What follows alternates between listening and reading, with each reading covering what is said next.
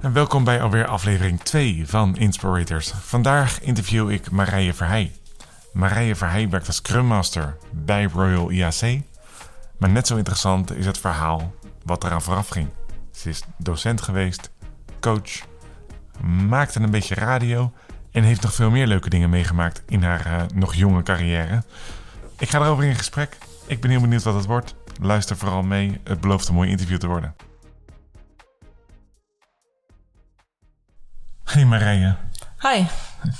Hey, die opening die, we net, uh, die je net hoorde. Ja. Ik vond het moeilijk om jouw professionele pad samen te vatten in één of twee zinnen. Dus waarschijnlijk wordt het de langste opening van alle Inspirators uh, in het hele seizoen. Oké. Okay. Maar uh, hoe komt dat zo? Je bent docent geweest, je bent ondernemer, je bent van alles en nog wat. Ja, dat klopt. Um, ik denk dat het komt doordat ik altijd nieuwe dingen wil leren. En um, op het moment dat ik iets uh, geleerd heb, ja, dan wil ik weer iets nieuws leren. Is dit dan ook uh, je podcastdebuut waarin je weer iets nieuws gaat leren? Uh, ik, heb, ik heb eerder radio gemaakt, dus het is Oh, niet voor het eerst dat ik iets opneem. Nou, laten we een paar seconden daarover hebben. Wat voor radio heb je gemaakt? Wanneer was dat? Hoe? Het was lokale radio in Leiden en het was, ging rondom lokale bands. Dus de lokale muziekscene in Leiden in beeld brengen.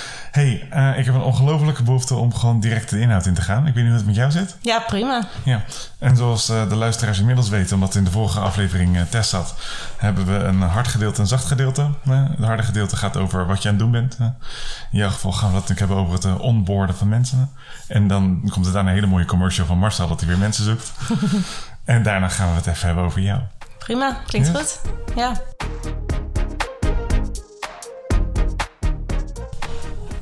Nou, om maar direct die inhoud in te gaan dan. Uh, je zit twee maanden inmiddels bij Royal IHC. Klopt. Wat is Royal IHC? Wat doen ze? Kun je er iets meer over vertellen? Ja, uh, ik weet nog niet precies wat ze allemaal doen. Want het is een uh, samenvoeging van, ik pin me er niet op vast, 32 kleinere bedrijven. Mhm. Mm -hmm. um, die samengevoegd zijn tot één. ze bouwen schepen. Heel Geen boten, schepen. Schepen. Ja, en uh, voornamelijk uh, schepen die, uh, die dredging doen. Of, nou, dus bijvoorbeeld schepen die kanalen breder maken. Of die mm -hmm. de bodem van de zee van de ene plek naar de andere plek brengen. nou, denk aan het Suezkanaal. Wat, dat moet breed gemaakt worden en gehouden worden. Nou, daar, daar, daar heb je schepen voor nodig. Ja, en die bouwt Royal IHC. Onder andere, ja. Okay. En wat doe jij daar binnen? Ik ben Scrum Master van het uh, Defined Product Team. En Defined Product die, uh, die bouwt en configureert software um, waarmee uh, schepen ontworpen worden eigenlijk. Dus de software waarmee schepen ontworpen worden, ja. die ontwikkel jij? Ja, dus Met de teams. Um, dit, het team dan, ja. ja. Dus um, een een schip wordt getekend. Nou, Ja. vroeger gebeurde dat op tekentafels in hele grote hallen. En ja, nu willen we dat digitaal doen natuurlijk. En daar zijn dus verschillende tekenprogramma's voor. Nou, die werken allemaal op software. Maar ze willen ook al die verschillende applicaties waarmee schepen ontworpen worden met elkaar integreren. En dat is waar mijn team onder andere aan werkt.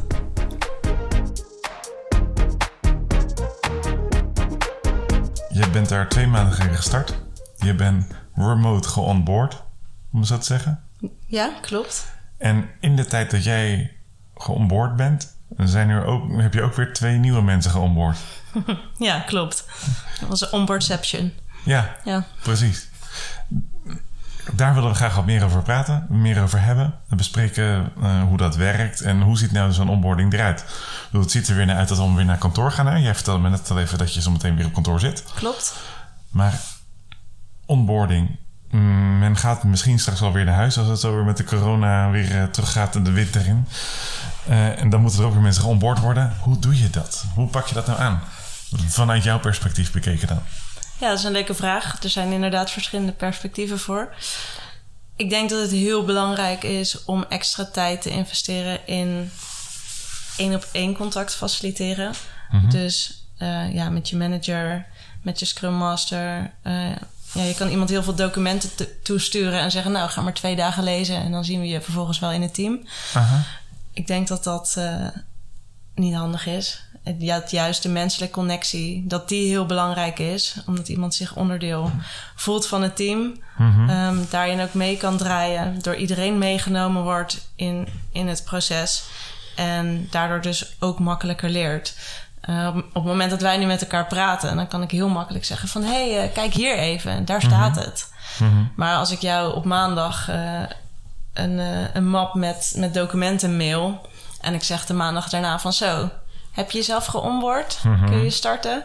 Ja, dat is natuurlijk een heel, heel andere benadering. Dus ik denk persoonlijk contact met je hele team en de belangrijke mensen die om dat team heen staan. En die informatie ook constant checken. Dus je geeft informatie, niet alles in één keer, maar ja, idealiter op volgorde van, van praktische relevantie voor diegenische functie. En hoe is dat bij jou gegaan? Jij bent bij Royal IAC binnengekomen. Je hoeft te lachen. Ja. Dus ik denk niet dat ik alle details wil horen. nee. Oké. Zullen we de vraag omdraaien? Ja. Hoe heb jij dat gedaan bij de mensen die bij jou in het team kwamen? Ik heb eerst een één op één gesprek met ze gehad. Uh, en daar meerdere uiteraard ook van gehad. Waarin ik eerst vertelde um, ja, hoe, hoe een Scrum team werkt. Wat, wat de kernwaarden zijn van Scrum. Mhm. Hoe belangrijk het is om dat we zorgen voor transparantie, uh, voor inspectie, zodat we telkens een kort cyclus kunnen aanpassen ook. Um, dus echt een, uh, ja, een stukje uh, Scrum-educatie. Mm um, maar ook over de cultuur van het team, cultuur van het bedrijf. Uh, en daarin ook vragen: joh, wat heb jij nodig om goed je werk te kunnen doen? Wat vind je lastig bij werken in een team? En wat heb je van mij nodig? Hoe kan ik jou zo goed mogelijk ondersteunen? Mm -hmm. En dan heb je eigenlijk al een heel transparante basis waarop je ja, in feite de droge materie in kan, de, de harde kant van, de, van het werk. Precies, maar uh, waar ik dan nieuwsgierig naar ben, is dat kun je natuurlijk ook nog op 43 verschillende manieren doen. Ja. Um, heb je besloten om echt aandacht te geven? Dus gewoon één op één met die mensen dat soort dingen te bespreken in, in een call? Of ben je er juist naartoe gefietst of gereden? Ik heb, uh, waar het kon, heb ik het fysiek gedaan. Dus het kantoor is wel open, dus ik mocht wel naar kantoor. Mhm. En met uh, gepaste afstand iemand spreken. Dus dat heb ik zoveel mogelijk gedaan. Mhm. uh, in Kinderdijk. En, uh, of, of op een andere locatie. Maar ik moest bijvoorbeeld ook mensen onboorden die bijvoorbeeld in Eindhoven wonen of nog verder weg. Mhm. Ja, dan kon dat niet. Nee. En hoe doe je dat dan? Gewoon teams aangooien, Zoom aangooien, de tijd nemen, geen deadline en gewoon lekker kletsen? In feite wel. En ik ben er vrij open ingegaan om ook te kijken van... joh, wat, wat doet de ander met zo'n gesprek? Dat zegt vaak al veel. Mhm. Waar ik me dan op kan aanpassen. Ik kan wel de leiding nemen, maar... Ja, hoe positioneert de ander zichzelf? Welke vragen stelt die ander? Uh, wat komt er ter sprake? Wat juist niet? En wat voor mij twee belangrijke tools zijn om goed in contact te komen met iemand, is vragen stellen uh, mezelf kwetsbaar opstellen, iets over mezelf vertellen, uh, wat het persoonlijk contact established. Mm En bijvoorbeeld uh, de MBTI persoonlijkheidstest. Herkenbaar. Ja. Hij blijft maar terugkomen, hè? Ja, hij blijft maar terugkomen. En ja, je kan het complete onzin vinden of je kunt het als bijbel hanteren, bij wijze van spreken.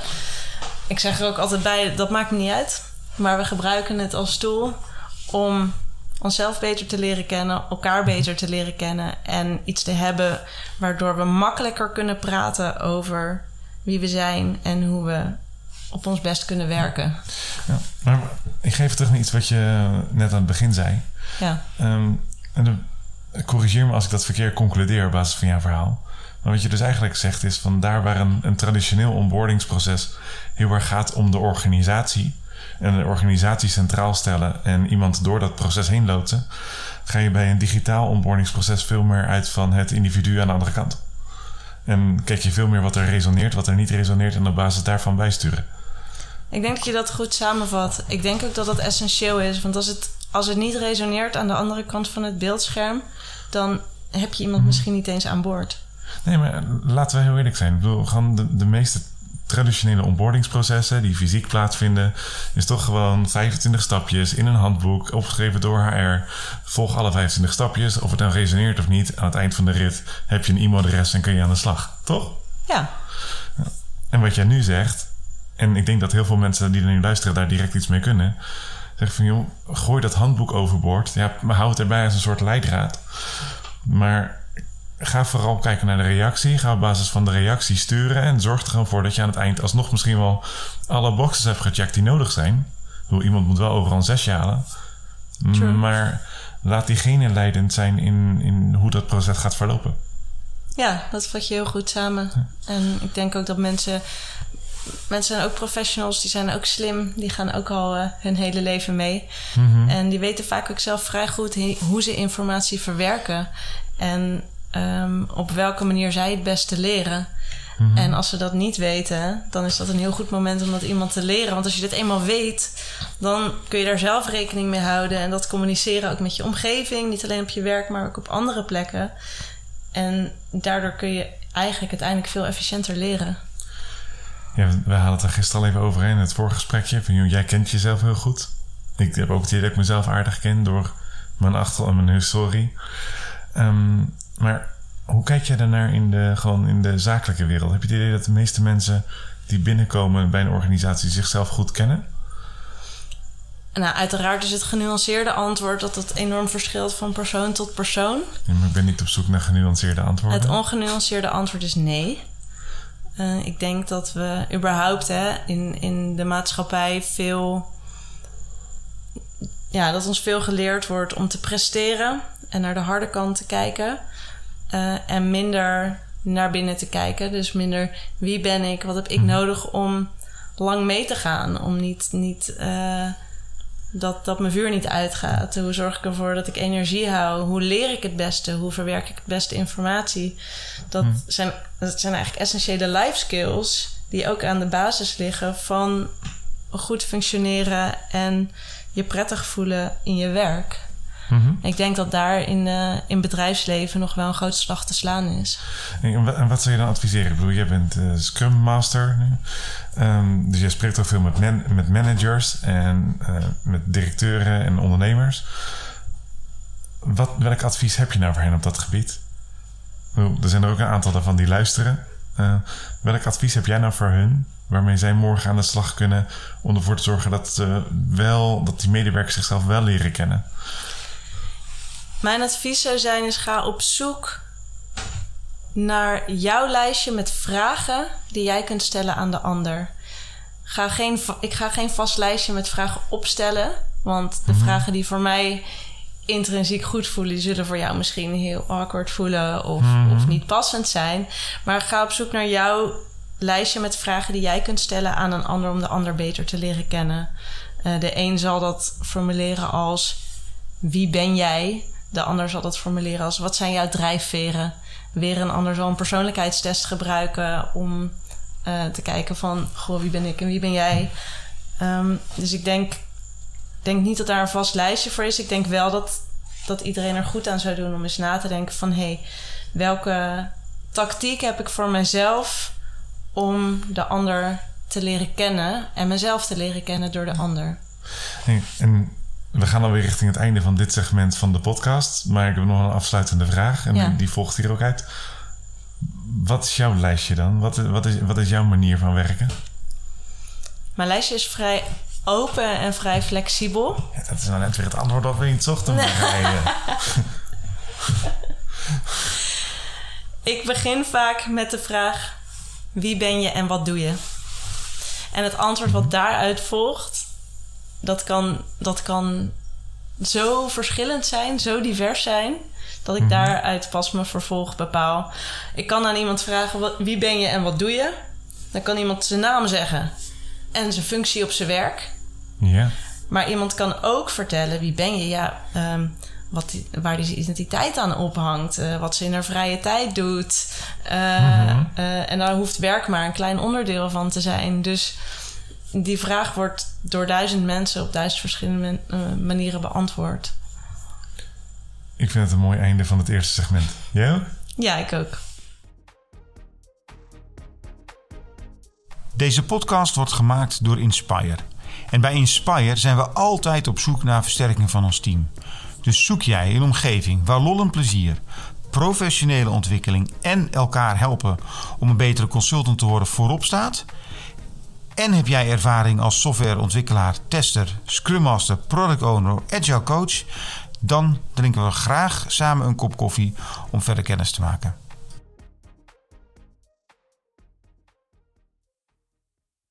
Marije, als ik naar jouw cv kijk, dan zie ik daarop staan ondernemer, docent, coach, een scrum master. Uh, je bent hartstikke ondernemend. Hè? Uh, en, en, toch kies jij er wel voor om in dienst te gaan, dus een bepaalde zekerheid uh, te krijgen. Is dat niet een discrepantie? Is het niet zo dat je eigenlijk gewoon diep van binnen een ondernemer bent? dat vind ik een leuke vraag. Ik ben diep van binnen zeker een ondernemer. Ik vind het ook heel prettig om dat naast mijn werk uh, bij Inspire wel te blijven doen. Dat vind ik een hele mooie aanvulling. Maar ik vind het ook heel prettig om onderdeel te zijn A, van, een, van een vaste groep waar ik me thuis voel. En dat geeft me ook een bepaalde stabiliteit, een bepaalde veiligheid, um, waar ik ook heel veel rust en kracht uit haal. Mm uh, maar ik vind het ook heel belangrijk om mezelf constant te omringen met leraren, mentoren, hoe wil je ze noemen. Ik, ik wil constant blijven leren. Ik wil mm -hmm. extern geprikkeld worden om dingen moeilijk te vinden, om, om complexe zaken tegen te komen, om onderwerpen waar ik nog nooit van gehoord heb, uh, om daarover te leren. En Inspire is een club niet alleen leuke mensen, maar zij weten zoveel met elkaar. En ik ben nog lang niet uitgeleerd. En dat, dat drijft mij. Ja, dus dat is wat jou momenteel drijft. Hè? Maar als ik diezelfde karaktereigenschappen pak en die een paar jaar terug in de tijd plaats, dan heb je met datzelfde karakter, of misschien een, een, kleine nuance erin, heb je er toch voor gekozen om toen tijd dan docent te worden. Hoe, hoe, hoe wringt dat dan niet? De, de, de rammend ambitieuze Marije die ondernemend is.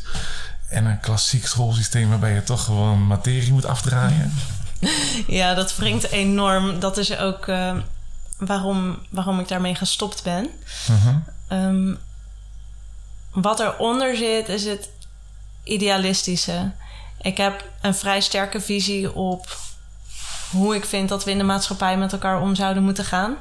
-huh. En ik denk dat onderwijs nou, een groot onderdeel, zo niet de gehele basis is van, van een samenleving. En mm -hmm. ik wilde daar heel graag aan bijdragen en dat wil ik nog steeds. Alleen in de praktijk vind ik het schoolsysteem zoals het bestaat, zeker voor de mensen die het hardst nodig hebben, gewoon ontoereikend is. En ik ver, verdronk in, in bureaucratie in plaats van dat ik kon bijdragen om jonge mensen klaar te maken voor hun toekomst. Dus dat, dat voelde een beetje als mijn ziel verkopen. Dus mm -hmm. hey, en, toen ben ik weggegaan. En nu is natuurlijk een volkomen Kijk, om nou te voorkomen dat we de komende twee uur aan het kletsen zijn over het schoolsysteem. ja. Um, daar wil ik in ieder geval bij wegblijven. Maar ik wil je toch even de kans geven. Pak even een minuutje. Leggen, wat is jouw visie op het schoolsysteem dan?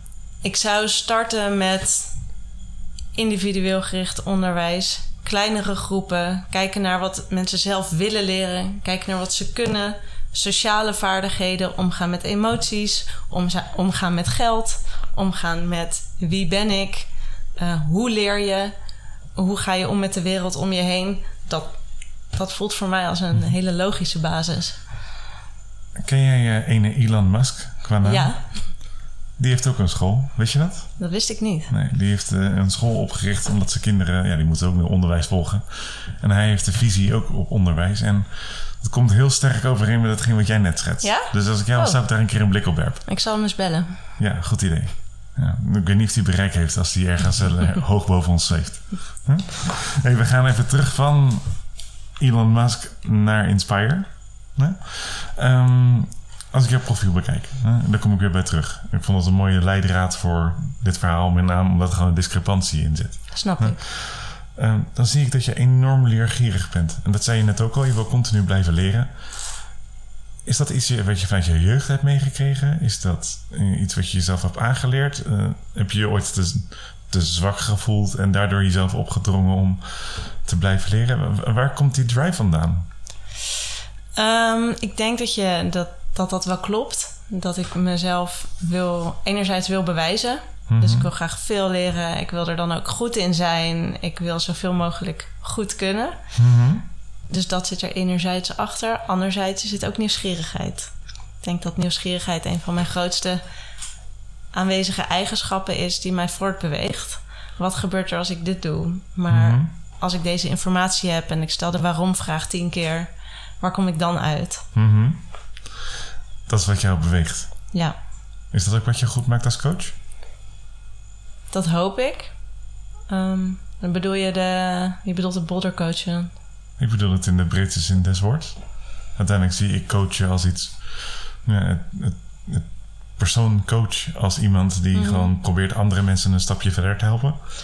Ja, dan denk ik dat nieuwsgierigheid me wel erg helpt als coach. Om niet uit te gaan van zenden, maar uit te gaan van vragen. Ja. Ja. Hey, en we gaan eh, inderdaad, eh, je maakte zelf het bruggetje al, je noemde het eh, Boulder al even. Dat is natuurlijk jouw, de onderneming die je nog wel hebt naast het, je werk bij Inspire. Klopt. Dat is ook een van je hobby's, zie ik. Eh, als de mensen dit luisteren, was het afgelopen week. Nu wij dit opnemen, is het komende week. Ga je naar Frankrijk toe om daar eh, te gaan eh boulderen naast je werk? Klopt. Hoe ontstaat zo'n hobby? Ik bedoel, ik, ik hoor kinderen die gaan, die gaan voetballen, die gaan hockeyen. uh, enkeling gaat ten- tennis op jonge leeftijd. Balletten? Ja.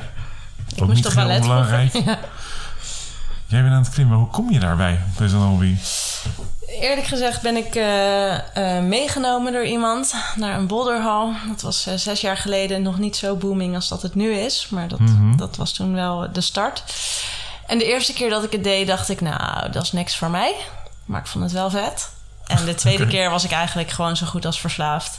En een half jaar later was ik bedrijfsleider van een boulderhal. Eh, dus dat, ja, als ik ergens gepassioneerd over ben, dan loopt het nog wel eens uit de hand. En daar ga je er 100% voor. Ja, Oké. Dan moet ik uitkijken dat je niet gepassioneerd wordt eh, over deze podcast. Want dan, zitten we hier morgen nog. ja, of ik word aan de kant geschoven en jij mag een voorstel opnemen. Hm? Hey, ehm, hobby, eh, wat, wat weten mensen verder nog niet van jou?